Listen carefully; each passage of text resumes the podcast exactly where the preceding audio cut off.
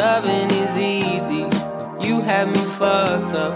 It used to be so hard to see. Yeah, loving is easy when everything's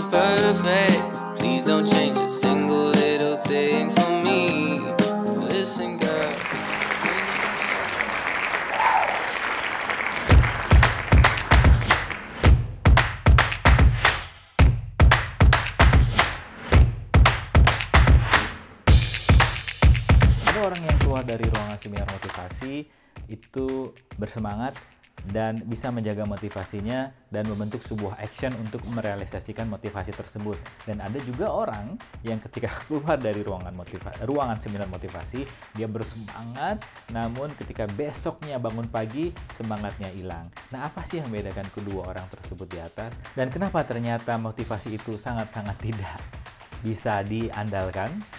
Nah, bersama saya Rahmat Barus di podcast ke-13 kali ini, kita akan menemukan tips sederhana, mudah, dan menyenangkan agar di tahun 2018 ini kita menjadi lebih produktif dan tentunya bahagia. So, saya jadi penasaran, sudah semangat Anda untuk tetap hadir di podcast ini sampai akhir.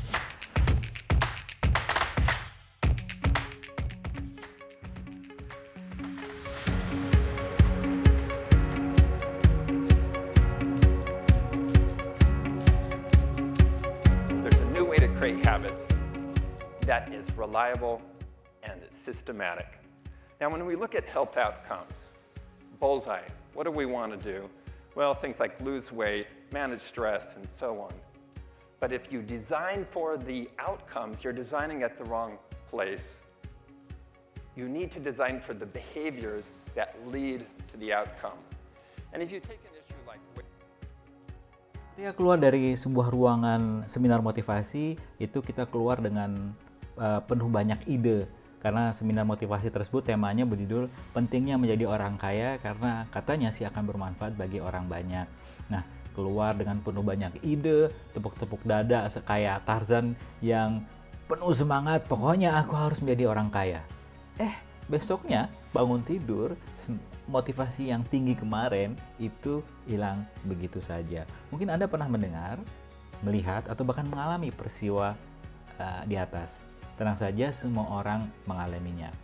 Busy Fogg, seorang dosen dari Stanford University yang fokusnya dia mempelajari mengenai tingkah laku manusia pernah mengatakan bahwa kebiasaan itu bisa terjadi ketika motivasi, eh, ability atau kebiasaan kita melakukan hal tersebut dan trigger perintah untuk melakukan tersebut melakukan kebiasaan tersebut itu terjadi di waktu yang bersamaan. Contohnya adalah ketika panitia mengadakan kampanye mengenai menjaga kebersihan pantai Parangtritis dengan menyumbang sebesar eh, Rp10.000.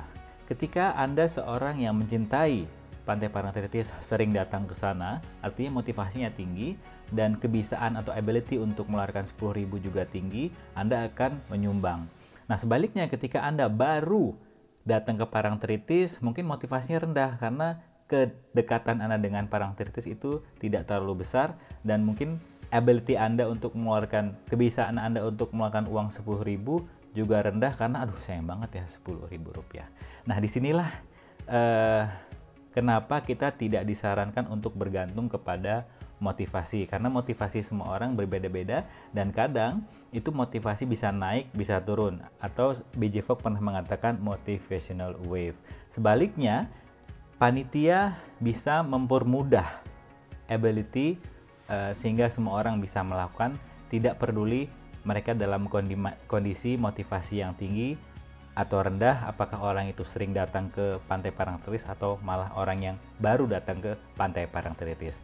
Caranya adalah panitia bisa merubah kampanyenya menjadi mari jaga Pantai Parangtritis kebersihannya dengan menyumbang Rp2.000. Motivasi untuk mengeluarkan uang Rp2.000 walaupun dia sering datang ke pantai tersebut atau tidak itu cukup rendah karena ya itu tadi hanya dua mungkin di, di tahun 2018 ini Anda ingin lebih sehat dengan harapan dengan sehat jasmani Anda akan lebih sukses dan kaya ke depannya caranya Anda ingin sering datang ke gym Kalau dulu saya pribadi mempunyai keinginan untuk datang ke gym itu setiap hari selama 2 jam hadir di gym. Efeknya adalah saya keder. Hanya di bulan Januari saja saya sering ke gym, eh, di bulan Februari sampai Desember saya nggak pernah lagi datang ke gym. Ya karena itu tadi, ketika motivasi saya tinggi, saya mampu datang ke gym setiap hari selama dua setiap hari kemudian dua jam hadir di gym tersebut. Tapi ketika motivasi saya sedang rendah dan itu sering terjadi, ya itu tadi saya tidak pernah lagi datang ke gym. Nah, Wijay Fogg mengatakan, ayo dong daripada kita bergantung kepada motivasi yang naik turun, kenapa enggak diperkecil saja action action kita. Akhirnya saya putuskan untuk memperkecil action saya menjadi uh, datang ke gym tiga kali dalam seminggu, di mana di gym tersebut saya olahraga hanya 10 menit. Efeknya adalah yang kecil tadi uh, saya tidak butuh motivasi untuk melakukannya dan akhirnya menjadi rutin. Karena ujung-ujungnya kita adalah ingin rutin datang ke gym untuk olahraga, bukan untuk dua jam ada di dalam gym.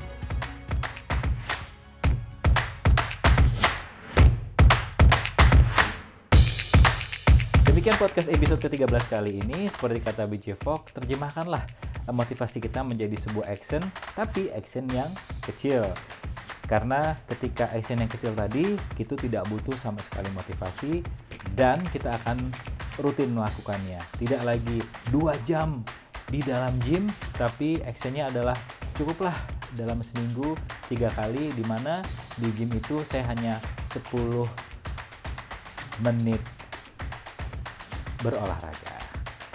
Untuk tips sederhana, mudah, dan menyenangkan yang lainnya yang dapat membuat Anda lebih senang action dan juga lebih bersemangat, Anda dapat temukan di berkembangbersama.com di mana tulisan-tulisan baru akan di launching setiap hari Senin dan Jumat dan podcast itu akan kita launching setiap hari Rabu. Nah, saya jadi semangat.